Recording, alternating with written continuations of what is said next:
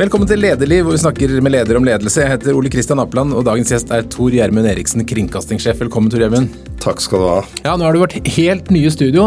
Apeland har jo flyttet fra Barcode i Bjørvika over gangbroa, så nå er vi i de gamle lokalene til Maemo og sitter og ser utover sporene på Oslo S. Det er rett og slett uh, dritkult. Ja. Veldig fine lokaler. og jeg skjønner det går bra i bransjen. Nei, vi, vi, vi, klarer, vi, klarer, oss, for å si det sånn. Nei da, men det er men, uh, alvor. Dette området som jo har vært veldig omstridt og sånn, jeg syns det syder av energi. Uh, dynamikk. Det endrer seg nesten hver gang man er her nede, selv om jeg er, er i området ofte. Så det er liksom det moderne, kule Oslo. Nå har jeg gått hjemmefra på Carl Berner. Gikk over Tøyen, nedenfor Ensjø, der NRK flytta, gjennom, gjennom Tøyen, nedover Tøyengata, over Grønland og hit. og kommer til dette moderne gjennom liksom flere historiske epoker. Jeg går forbi f.eks. For der Einar Gerhardsen bodde i hele Fantastisk. etter krigen til, der, til han døde. Så jeg tenker fy søren så fint det er blitt i Oslo, altså. Det er en deilig by. Ja, fantastisk. Du, jeg tenkte vi skulle starte på eh, pandemi. Vi er litt i slutten av det, selv om noen deler av Norge sliter med det fortsatt. Eh, NRK har jo vært utrolig sentrale under pandemien. og Vi, vi måler jo omdømmet deres og ser at dere har et veldig godt omdømme. Veldig godt likt, veldig høy tillit. og Det betyr at dere har klart den jobben veldig bra. Eh, hvordan har det sett ut fra direktørkontoret? Jeg har lyst til å, altså jeg er enig i det du sier der, for det har vært, har vært fantastisk. Utrolig glad. Det er ingenting jeg blir mer glad for enn tilbakemeldinger fra publikum. og Nå har vi fått flere målinger som viser at NRK har ekstremt godt omdømme, og ikke minst, viktig i denne tiden, høy tillit. Og så tenker jeg at Mange sier ja, dere klarte det bra i pandemien. og Da pleier jeg å legge til ja, men det er ikke pandemien som man bygger den tilliten. For man kan ikke være et, en allmennkringkaster, eller i og for seg et medie som Aftenposten eller VG, som har i normale tider dårlig tillit, ikke en sterk relasjon til publikum. Og så blir man plutselig viktig når det, når det, er viktig at man er viktig i en krise. Sånn er det jo ikke. Så det er når det er normale tider, at man betyr folks hverdag, at man er relevant, at man har tillit, også når det er normale tider. Da først kan man gjøre jobben når det er virkelig krise det vi ser fra andre land. Det verste eksempelet jo, var jo fra Romania forrige uke, der myndighetene går ut og sier ja, vi har lurt dere mange ganger, men nå må dere høre på oss. Og det, For meg så framstår det som liksom, det verste eksempelet på at man kan ikke i normale tider være en ja, svak, uetterrettelig. Det er da man legger grunnlaget. Og så tenker jeg at norske medier generelt har klart denne pandemien ganske godt. Og så var det ekstremt viktig for oss når 12. mars kom, da. Fy søren, vi begynner nærmest to år, ikke sant. Uh, uh, og, og, gjøre en analyse. Hva er det folk i Norge trenger nå? Og Det første var jo da liksom, jo nå trenger de kunnskap. Uh, vi må opprettholde den kritiske refleksjonen rundt dette. For folk i Norge gjør ikke som myndighetene sier bare fordi de myndighetene sier det. Men de stoler på myndighetene. I tillegg så ønsker de liksom å få kunnskap, sånn at de kan ta en beslutning selv. Så, så, da var det nyheter og, og, aktualitet, men så gikk det egentlig bare noen dager. Og så tenkte vi at for det første så er barna veldig viktig, og så så vi veldig fort et behov for felles opplevelser, for å være sammen. Og da kom jo sånn som ja, underholdningsformater. 17. mai, den type ting prøvde vi i hvert fall å skape en fellesarena i Norge. Da, og Det ser vi at publikum har satt pris på. Dere, jo, dere, har jo en beredskapsfunksjon, alltid har øvd på kriser og beredskap. Var dette en situasjon som dere hadde forberedt dere på? Hvis jeg sier ja på det, så tror ingen at jeg snakker sant. Eh, realiteten er jo at Norge var egentlig ganske uforberedt, tror jeg. Eh, og så har det gått bra av to grunner. Nettopp det vi er inne på nå, at vi har høy tillit. Eh, og vi har veldig mye ressurser. Masse penger, for å si det sånn. Og, og, vi var kanskje ikke forberedt som samfunn. Jeg vil faktisk hevde at NRK var litt bedre forberedt enn mange. og Grunnen til det er ikke at vi var veldig smarte og kloke og, og så for oss en sånn pandemi eller en sånn krise, og at den skulle arte seg sånn. Men eh, jeg tror i alle de årene jeg har vært i NRK, så har jeg hele tiden snakket om at vi må jobbe under større usikkerhet. Vi vet at det kommer fundamentale endringer rundt neste sving, men vi vet ikke hva det er.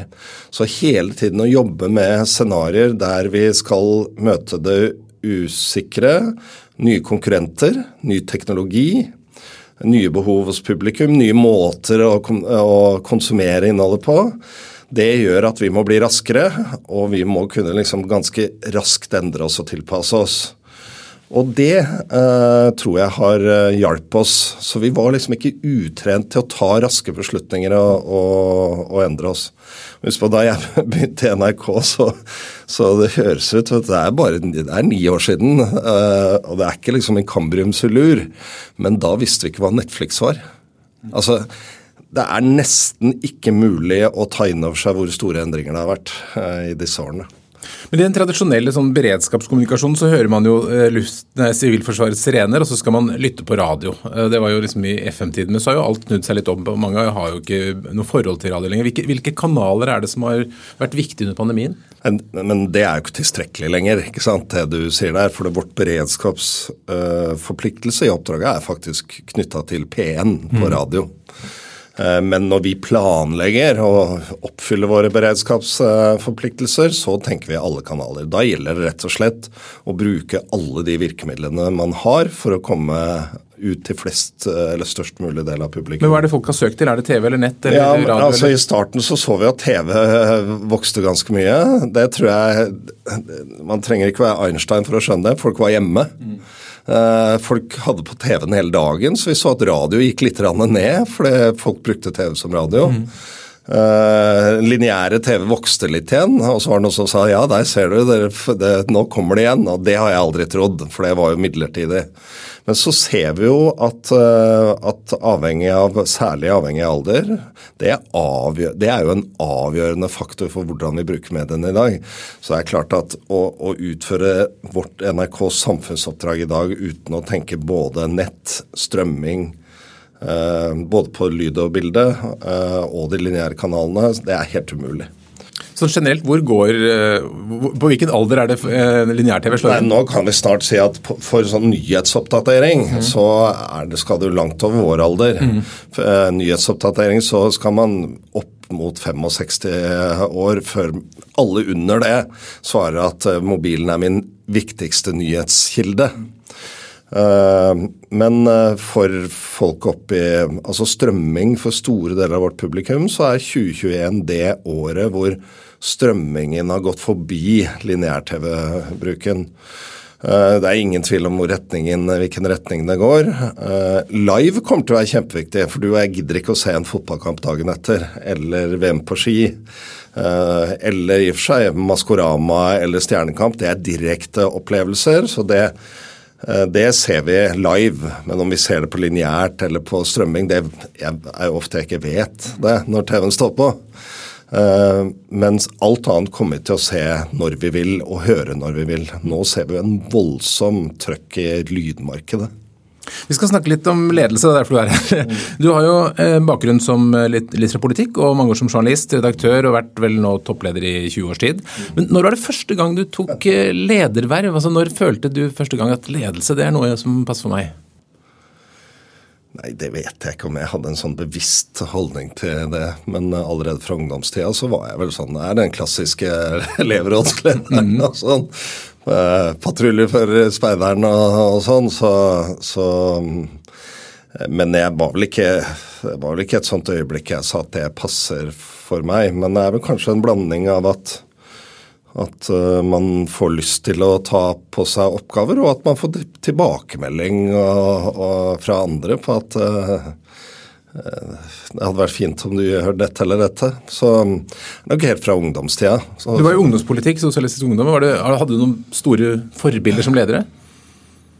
Uh, ja, det, det, vil jeg nok Altså det er mange som jeg tenker på i dag som fantastiske ledere. Men det som er også jeg syns er interessant, det er hvordan ledere blir, blir vurdert i samtida mot hvordan de blir vurdert da historisk. Og Tenk på en person som Gro Harlem Brundtland, som ble skjelt ut og kjeftsmella fra bygda, og direktør for AS Norge og hadde liksom ikke politiske visjoner. Og så ser vi nå faktisk 40 år etter at hun ble statsminister første gang, hvor store endringer som var under hennes tid. Likestillingen. Eh, vi begynte å bli miljøopptatt. Eh, tenk på hele utbyggingen av altså hele arbeidslivet, hvordan man tok i bruk større ressurser. Det var bare menn som jobba, og til alle. Utdanningsrevolusjonen osv. Så, videre. så så, Tenk på Høybråten, mye han ble mobba for røykeloven. Ja, ikke sant. Så det er veldig, det er, vi må ikke gjøre opp regning for tidlig. Uh, den gangen som jeg ble politisk aktiv, så var det nok uh, det var den første miljøbølgen. Jeg var veldig opptatt av det. Uh, og så var jeg nok også opptatt av Jeg er fra Groruddalen i Oslo. At, vi, at alle skal ha like muligheter, og, og alle inkluderes. Og nå når jeg har blitt såpass gammel som jeg er nå, da, så ser jeg liksom at jeg tenker jo veldig ofte at forskjellene i Norge, eh, også politisk Hvis du putter ja, Verken Erna Solberg eller Jonas Gahr Støre vil like at jeg sier det, men eh, i nesten hvilket som helst annet land så hadde de passa inn i samme parti, ikke sant? I UK eller i, i USA. Så vi er heldige, da. Hva er det du liker med å lede? Jeg liker å få til resultater og, og på en måte virkeliggjøre ambisjoner um, sammen med andre. Altså, jeg er jo en sånn person det, Jeg får energi av å jobbe med andre. Så uh, jeg, jeg er jo ofte på sånne type lederkurs og ny som leder i NRK og holder litt foredrag og sånn. og Jeg har egentlig liksom tre sånne helt banale Så tenker Folk spør hva er dine råd til ledere, så sier jeg det er det jeg sier til meg selv. Det er så banalt som at punkt én, du må ville være leder. Det er, en del ledere som ikke vil det, og da bør du kanskje ikke være det. Og med å ville det, så øh, følger det at du har noen ambisjoner. At du liksom bruker litt tid på hva jeg vil oppnå her, sammen med andre. Og så er det det andre jeg pleier å si, at du, du må like å bygge en felles virkelighetsforståelse sammen med andre. For at Hvis vi ser ut av vinduet her, og jeg sier det regner og du sier det er sol, eh, så klarer vi ikke å finne felles løsning. Det er aldri et problem at, det, si, at man diskuterer så busta fyker på hvordan man skal løse et problem, men hvis man overhodet ikke er enig om hva som skal løses, så har man et problem. Eh, jeg nevnte dette med Netflix i stad. Eh, I 2013, da når dette kom for fullt i Norge, så var det jo folk som sa til meg at eh, nei, Netflix kommer ikke til å påvirke oss noe særlig. Mens andre sa jo det er kjempeviktig for NRK å forstå.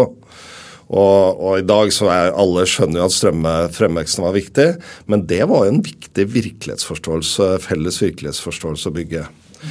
Og det tredje jeg pleier å si, er at du må være rimelig forutsigbar som leder.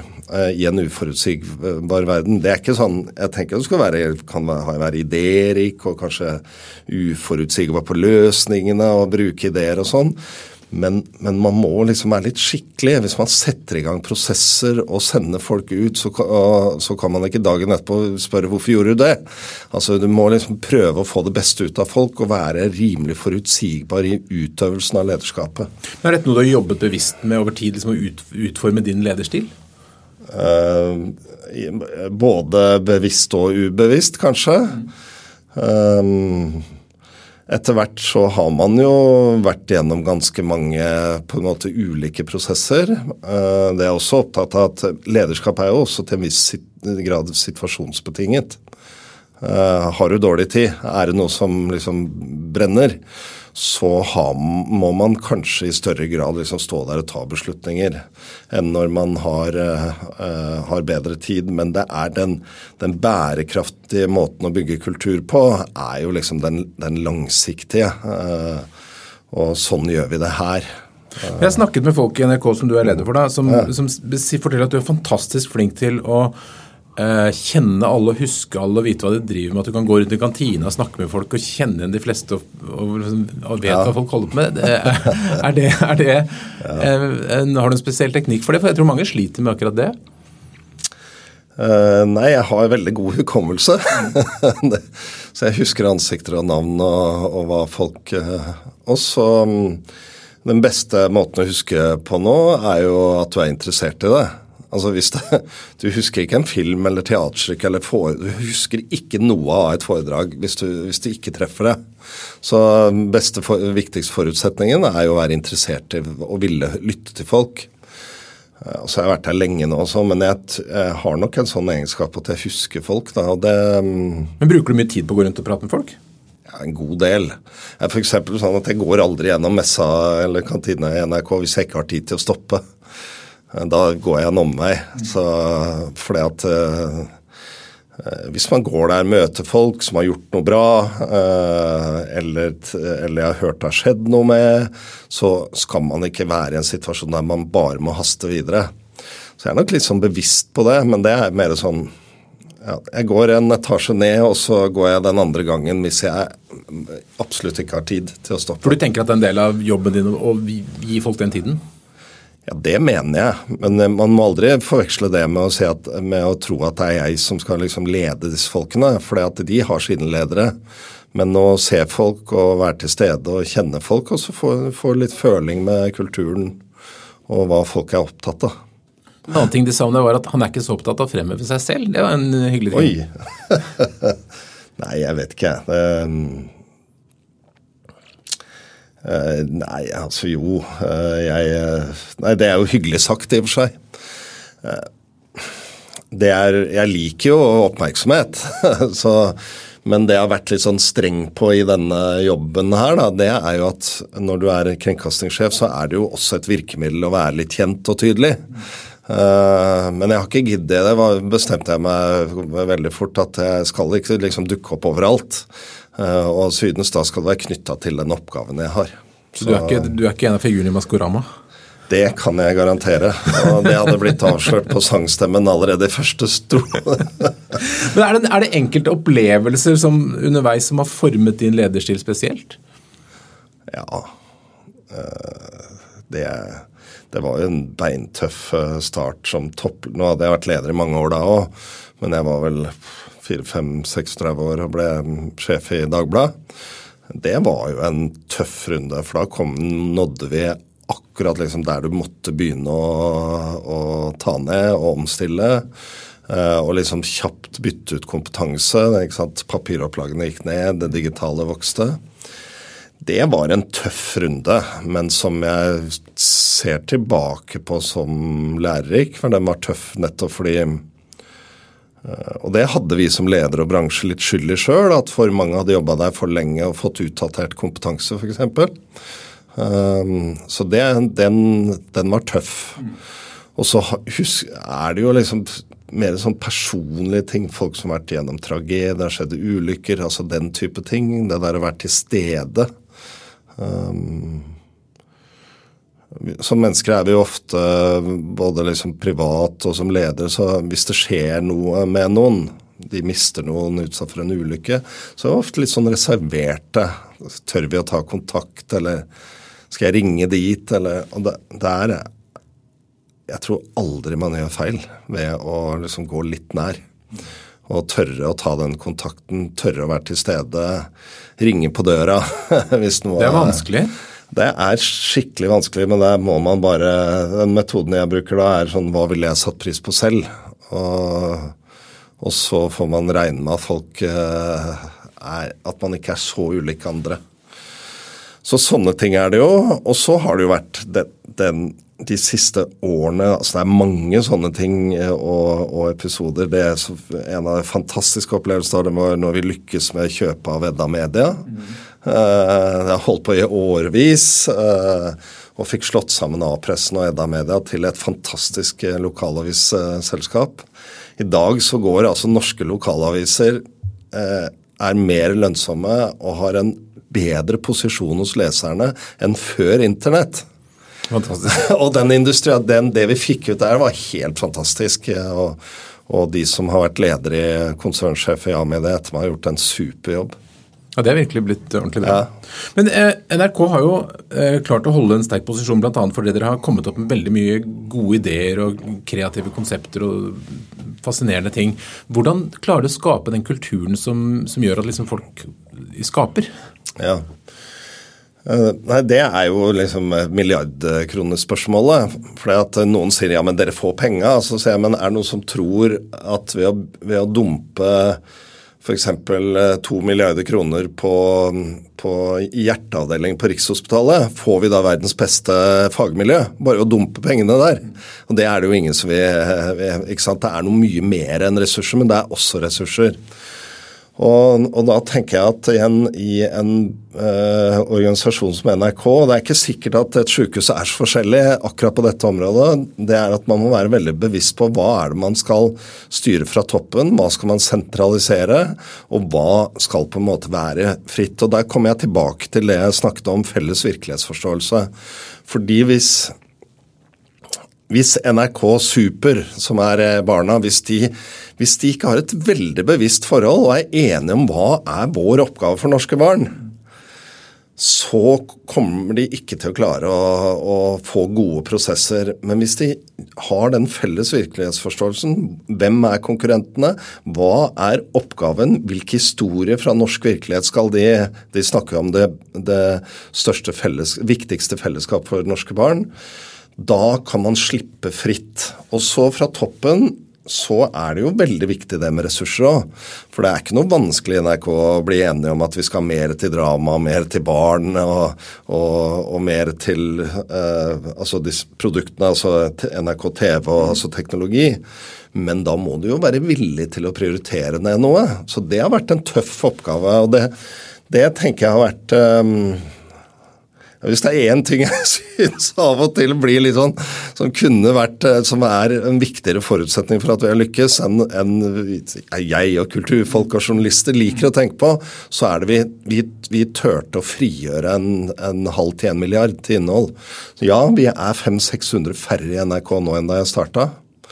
Uh, vi har brukt mindre penger på en del tjenester og, og, funksjoner som i ytterkanten. Vi driver ikke kantiner og sånn lenger.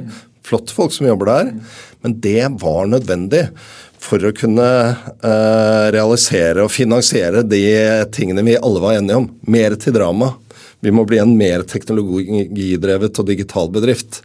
Vi må ha, For det første bruker vi mye mer uh, ressurser på liksom en løpende innovasjonsprosesser. Det er ikke noe du kan gjøre liksom med en uke i året. Du må sette opp et apparat, en metodikk, som driver med det hele tiden. Hvilke ting er du mest stolt av av programmer? Nei, det tør jeg ikke å si. for at, uh, det var... men, men, nå har vi opplevd at flere Nei, det, det er kanskje en, Nei, altså jeg er veldig stolt av at vi har holdt markedsposisjonen, mm. og veldig stolt av omdømmet. Um, og så tenker jeg at um, i, i, altså Alle og fra vår alder oppover er jo veldig lojale brukere av NRK. Og så bruker de masse annet, og heldigvis. Mm. Jeg er ikke moralist altså, i forhold til at det er ikke galt å se på Netflix. Ikke, det er bra at vi kan få det beste fra hele veien til enhver tid. Det, og det er jo i det bildet NRK må konkurrere. Så, så, men det jeg er mest stolt av, er de tingene at vi har klart å holde liksom, posisjonen. Og så ser vi jo at den, den eldre delen, eller voksne delen av befolkningen er veldig lojale. Og så da er jeg kanskje aller mest stolt av at vi ikke har gitt opp barn og ungdom. Um, det er ikke så lenge siden jeg møtte en av mine tyske kolleger. De har sånn ti ganger så mye ressurser som NRK, men han sa Tor, it's really sad because we, I must say that we have completely lost the young audience. sa Og det der å tenke på at norske barn uh, får masse flott innhold fra utlandet, men vi vil gå tapt, mye vil gå tapt hvis vi ikke har historier fra vår nære virkelighet, uh, den norske virkeligheten. Så barn og unge, og der ligger det en stor jobb foran oss også, men det er knallhard konkurranse. Men apropos konkurranse, så har vi jo sett i det siste at eh, flere har jo tatt deres fine konsepter over i nye podkastplattformer, og man går etter folka deres på TV, nye TV-kanaler osv. Hva føler du rundt det? Nei, liksom, Det er jo en, en blanda følelse. For det første så er jeg veldig lei meg når eh, Og tenker om pokker heller. At, eh, at ja, Mikkel og Herman da, eh, skal lage podkast for andre. Samtidig så hvis jeg tenker litt overordna på det, så tenker jeg at det er bra for en norsk mediebransje at eh, andre selskaper ja, eh, utvikler seg, har vilje til å investere. Og så er det jo sånn at NRK alltid har mista litt talenter. Da TV 2 kom i 92 og andre, så de henta jo fra NRK. Eh, nå opplever vi det på lyd, og da er det rett og slett ikke vi kan ikke konkurrere på lønning, lønnings, lønninger. Det skal vi ikke gjøre. Um, og, men vi kan konkurrere på at vi skal være de flinkeste, råeste, beste til å finne nye talenter. Uh, og det må bare bli enda flinkere til det. Og så ønsker jeg de folkene lykke til, som jeg gjerne skulle hatt videre i NRK. Du var inne på dette med å skape en felles virkelighetsforståelse. altså Det, det å lage en strategi. Uh, du, du, sier også folk som jobber hos at han er veldig tydelig på strategi. Hvordan, hvordan jobber man best for å liksom lage og implementere en strategi i en så stor organisasjon? Eh, he, svaret på det jobbe helt åpent hele tiden. Kontinuerlig tror det var forrige mandag så var det en, en, professor som skrev en kronikk i DN om at det var liksom to måter å jobbe med strategi. og Det ene var at en gruppe, særlig les fra toppledelsen med noen tilliggende herligheter, sitter sperra inne, og alle i organisasjonen går og lurer på hva de driver med. Og så kommer de ut, og så avdekker de den nye visjonen og strategien. Det kan vi le av, men ganske mange har det sånn. Og, og kanskje er det effektivt noen steder òg. Danmarks Radio lanserte, altså vår, våre kollegaer i Danmark lanserte nye strategien for under en måned siden. Og da gikk alle og snakka i flere måneder på hva driver de med oppe i rommet der. I NRK og måten som passer bedre i Norge, er mer, det er jo å jobbe helt, helt øh, øh, åpent. Og da, da, må man begynne med hva er det dette hva handler om? Hvilken verden er det vi jobber, med, jobber i? Hvem påvirker oss? Hva tror vi kan skje de neste årene? Um, og, og, hva vil uh, behovet fra NRK være, gitt det oppdraget vi har fra Stortinget? Så alltid pass på å ha et blikk utenfra inn i strategien. Det er jeg veldig bevisst på. Enten det er noen som kommer utenfra og lager scenarioer, eller det er spørreundersøkelser, eller alt, Du må alltid ha et ganske vesentlig element inn i strategijobbingen som ser deg selv utenfra, sånn at det ikke bare blir innenfra og ut. Og det påvirker oss altså så sterkt. Uh, og så er det å, å, jobbe og tenke at strategien skal ikke være helt annerledes om et år, men den skal kontinuerlig utvikles. Men bruker du, Er det type allmøter? eller hvordan ja, ja, og så er det sånn at en god strategiprosess er jo også sånn at det er, ikke, det er en overordna strategi, men du må gi eh, frihet og handlingsrom til at den strategien oversettes. For fem-seks år siden så sa, sa, vi at NRK må være en publisist og innholdsleverandør, innholdsprodusent i verdensklasse. Og da liksom, Tør vi å si det, egentlig? Er virkelig litt sånn uh, skrytete? Og så gjorde vi en analyse og sa ja, men hva er alternativet da? Hvis vi ikke er det, så kommer vi bare til å bli mindre og mindre og mindre viktig, og til, til slutt ubetydelig på vegne av norsk demokrati og kultur. Så det er ikke noe annet alternativ. Um, og da kan vi jo ikke være det med å ha mest penger. For eh, BBC eller Netflix eller de har mye mer penger. Men vi kan være det med å kjenne publikum i Norge best, kjenne norske barn best, være relevante, være tett på. Uh, og da, da, må man uh, la denne strategiprosessen liksom sildre nedover, sånn at man sitter i sporten og sier hva betyr å være verdensklasse for oss i sporten? Hvilke idretter? Eh, hvordan skal vi løfte noe nytt? Og så må de sitte i, i, hos eh, NRK Super og så må de oversette det der. Eller livssyn. Eller de som driver med folkemusikk, til og med. Må si hvordan gjør vi det? Og Dermed så får du liksom en overordna uh, en overbygning. Mens de strategiske, altså svarene på strategien, er forskjellige mange steder i organisasjonen. Så jeg pleier å si den minst viktige dagen i strategiprosessen i NRK skal være den dagen vi vedtar strategien. Fordi at da er den så jobba med, og den er kjent, og den er oversatt. Eh, og den dagen vi vedtar den i styret, for det gjør vi en gang i året, setter ned foten, så begynner vi dagen etter på nytt. Kan du si enkelt hva som er strategien nå? Ja, ja. Uh, altså For det første så får vi et oppdrag oppdrag sant, fra, fra, eh, Stortinget, eller fra, gjennom våre vedtekter. Og, og, våre strategier er at vi skal altså jeg har allerede, Vi har et organisasjonsmål. Uh, vi skal, uh, altså I oppdraget vårt så skal vi jo fylle demokratisk-kulturelle og, demokra og sosiale behov. Eh, vi skal samle og engasjere, vi skal styrke og utvikle eh, demokratiet. Og vi skal være en, eh, en organisasjon som, som, engasjerer og samler. Da. Så vi har en, vi har en tydelig strategi. Mm. Dere hadde for en, i hvert fall for en del år siden så hadde dere en slags visjon som het 'Noe for alle alltid'. Er det noe som lever fortsatt? Nei. Jeg syns det var ganske morsom. Ja, ja. Men dere har jo faktisk det. Ja, ja da. Det er noe for alle hele tiden. Ja. Men nå har vi vært gjennom en valgkamp hvor, hvor det har vært mye for, oppmerksomhet rundt forskjeller på by og land og, og fattig og rik. og sånn. Tenker dere at dere har en spesielt ansvar for å jevne ut f.eks. For forskjellen mellom by og land i Norge? Um, ja, i den forstand at um, hvis vi skal uh, Altså den en, en, setning som jeg bruker ofte, er at NRK skal være en raus og mangfoldig fellesarena i Norge. Og Det betyr at vi skal prøve å inkludere alle i Norge. Og Der får du den noe for alle alltid litt inn igjen. Mm. Men vi skal, eh, så vi skal passe på i hvert fall at vi forteller historien ikke bare fra Oslo, men fra hele landet.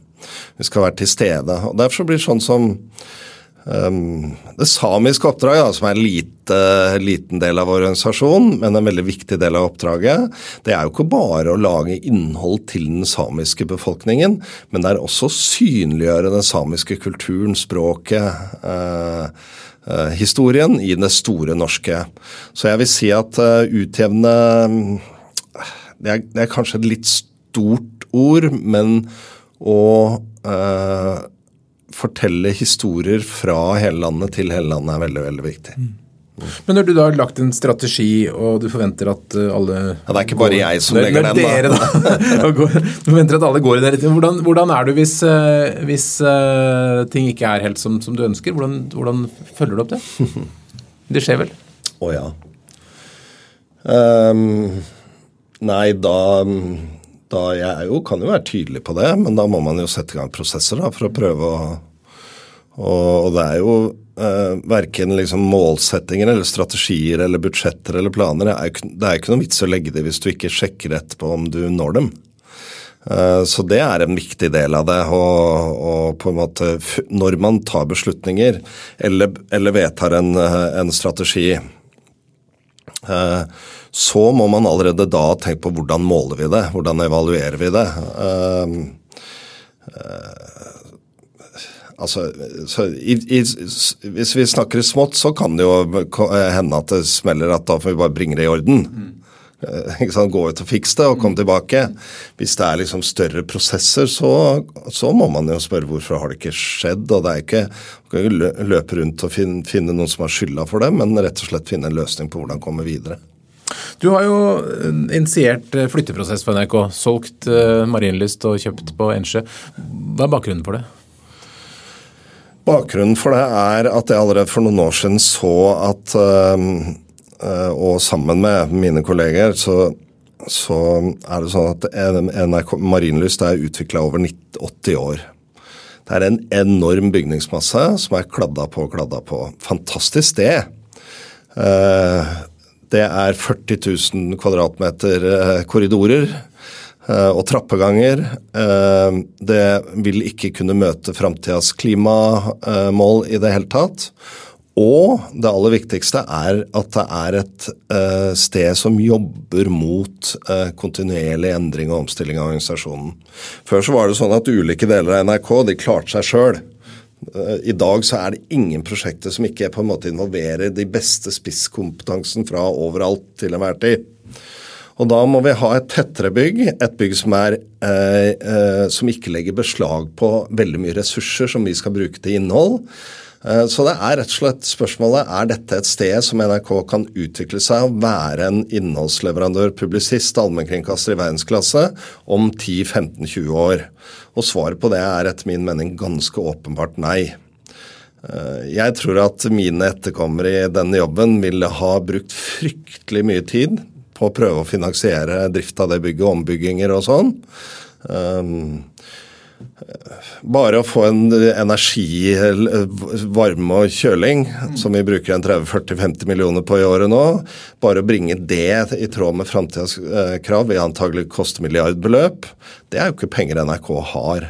Sånn at det er for å få et moderne bygg vi kan utvikle en moderne allmennkringkast med moderne teknologi, samtidig som uh, vi skal bruke så mye ressurser vi kan på innholdet. Mm. Og Bak dette så ligger det da en analyse av hvordan verden vil se ut 10, 20, hvordan vil verden se ut om 10-20 år, eller medieverden? Hvilke trender ser du? Vet ikke helt, eller, men trend, trendene er tydelige. Uh, uh, enda sterkere konkurranse. Enda flere aktører. Uh, og selvsagt mer mot valgbart og fullstendig konkurranse både på bil, radio, og TV, og lyd og bilde. Mm. Er det norske aktører internasjonale? det er norske aktører da, fordi vi er glad i uh, vårt samfunn, vi er glad i vår virkelighet, vår kultur.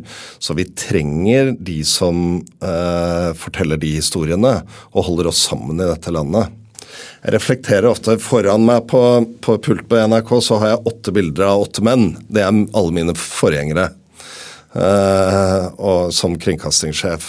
Og, og, da ser jeg jo liksom Kåre Fostervoll etter krigen og da ser jeg liksom bakgrunnen av Gerhardsen svever over vannet. og Da var det jo ikke sant, NRK var jo en forlenget arm kanskje fra av staten i, i mye, my, større grad. Og, og det å, å, bygge samfunn var å fortelle folk sånn, sånn lever vi. Stå opp om morgenen, smør matpakke, eh, gjør din plikt, ikke sant, osv. Eh, veldig sånn homogen. Eh, sånn skal vi være. I dag så er jo oppgaven når vi skal bygge fellesskap i Norge, å bygge aksept for forskjellighet, forståelse for mangfold. Eh, det at folk får velge sine liv selv osv. Så, videre. eh, så det er en mye viktigere oppgave. Eh, Trenden, endringene i mediebransjen kommer til å gå raskere og raskere. Ehm, vi kommer til å bruke medieinnholdet på flere og flere plattformer. Og noe som jeg tror vi av og til undervurderer, det er at kvaliteten, måten å fortelle historiene på, eh, kommer til å øke voldsomt framover. Hvis vi ser innhold som bare er fem-seks år gammelt i dag, så ser det gammeldags ut. For det kommer til å bli høyere og høyere kvalitet. Og høyere og høyere tempo? Høyere tempo. Men det er noe, da. Sakte-TV er fortsatt. men, men, du er jo journalist i bånn, eller eh, syns du journalistikken har endret seg mye de siste årene? Den er jo blitt uh, raskere Altså, uh, den endrer seg. Uh, og det går raskere, ikke sant. Publiseringen er hele tiden. Men jeg tenker egentlig at kvaliteten er bedre enn den var. At man unna, slapp unna med mer eh, tidligere. Eh, det som er den store, store prinsipielle diskusjonen, og det er jo det som jeg så den nye kulturministeren var opptatt av forrige uke. dette Um, altså tilgang til publikum, portvokterne, sosiale mediene, maktkonsentrasjonen rundt uh, Facebook, Google, Apple osv. Hvordan skal frie norske medier, redaktørstyrte medier, sikre at de kan publisere direkte mot, uh, mot uh, publikum? Det kommer til å være en utrolig viktig diskusjon de neste årene. Er det helt avgjørende, er vi, er vi avhengig av Facebook og Google sånn for å lykkes med norske medier? Jeg håper ikke at vi skal være det, men det er jo veldig viktige plattformer i dag. Sånn at det er jo deler av publikum må man jo øh, må man jo bruke sosiale medier for å nå fram til. Øh, og særlig kanskje den unge delen av publikum. Mm. Vi har også fått en litt sånn utenfor media med, med influensere og mer som personlighet. Vi syns også merker på NRKs programmer at det er my, litt mye mer, eller enkelte flater i hvert fall, mer snakk om meg og min, mitt personlige liv som programleder mer enn intervjuobjektet. Er det en bevisst trend, eller er det bare slik uh, er, det, er, det, er, det, en opplevelse jeg har bare? Um Nei, men sånne trender går litt opp og ned.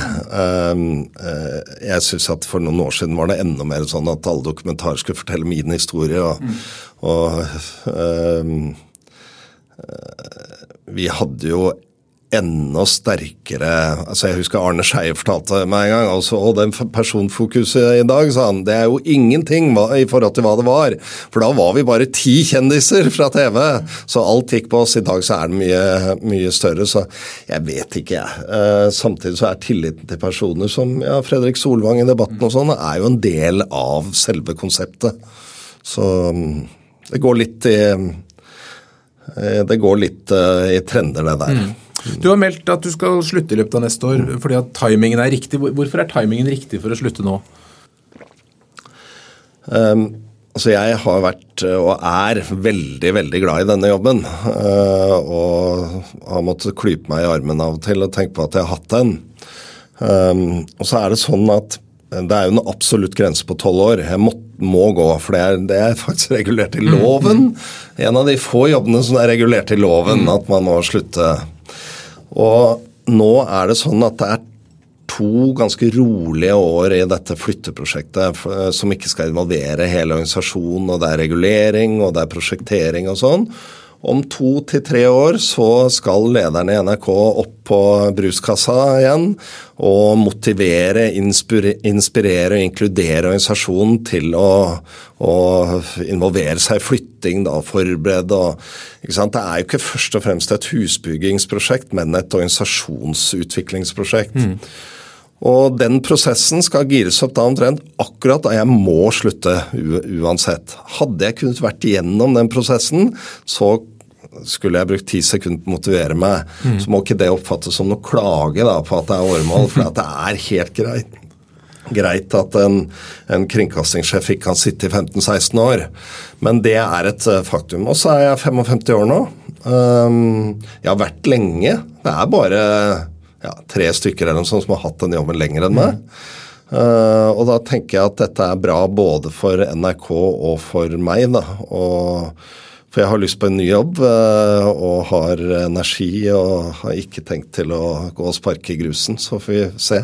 Nå skal jeg ikke spørre deg om hva du skal bli. Nei, for det, det, for jeg, jeg, jeg veit ikke heller. Nei, men, men, men, jeg har bare lyst til å si at er, jeg er ganske stolt av at du spurte om dette flytteprosjektet. For ja. at nå er vi har solgt, som du sa, vi har kjøpt en tomt på Ensjø, ikke så langt herfra. Mm. Uh, og uh, bygget er finansiert, så det er veldig sånn fin Nå er det tilbakelagt en etappe. Og så skal en ny leder eh, lede prosessen videre. Og det er jo et viktig veiskille i NRKs historie? Ja. Og, og, det er jo sånn at jeg kjenner på at det skulle jeg gjerne lede. Samtidig så er jeg stolt av der vi er, og dette er helt greit. Men skal, Jeg skal ikke spørre deg hva du skal, men det jeg lurer på er hvilke, hva er det viktigste ledererfaringen du tar med deg fra NRK inn i den nye jobben du etter hvert får? For jeg regner med at det blir en lederjobb? Nei, Det er at du må i dag lede overordnet gjennom å bygge kultur, virkelighetsforståelse, tydelige strategier. Og så i et, en, en, virksomhet og et samfunn og trener som endrer seg så fort, så er, må du bygge eller få gode ledere, selvstendige ledere og medarbeidere som, som tar beslutninger, driver utvikling. Eh, eh, driver innovasjon og tar ansvar. Du kan ikke lede i det små lenger. For det går for treigt. Mm. Og så helt til slutt, da, Hvis det kommer en ung person til deg og sier jeg vil gjerne bli leder, jeg vil bli sånn, etter hvert så vil jeg bli kringkastingssjef, hva er de tre viktigste lederrådene vi gir? Da er jeg tilbake noe av det jeg sa. Du må ville, du må ville være leder. Uh, og i det ligger det å sette seg noen ambisjoner. Altså hva skal jeg bruke denne lederjobben til? Uh, og så må du like jobb jobbe med folk, la deg påvirke, og det ikke gi deg før du bygger en sånn rimelig felles virkelighetsforståelse. Og så er det siste rådet vær en skikkelig person. Forutsigbar og sett pris på folk og vær til å stole på. God avslutning. Tusen takk for at du kom til Lederliv, Tor Emil Eriksen. Takk. Lederliv er en podkast fra Apeland. Vi legger ut nye episoder hver fredag, og du kan trykke abonner, så får du et varsel. Redaksjonen består av Ellen Paulsen, Lars Jarle Melum, Lars Volden og meg, som heter Ole Kristian Apeland. Vi er veldig mottagelige for ros og ris på e-post til meg, ole.apeland.no. Eller du kan gi oss en stjerne der hvor du hører podkasten. Takk for at du lytter.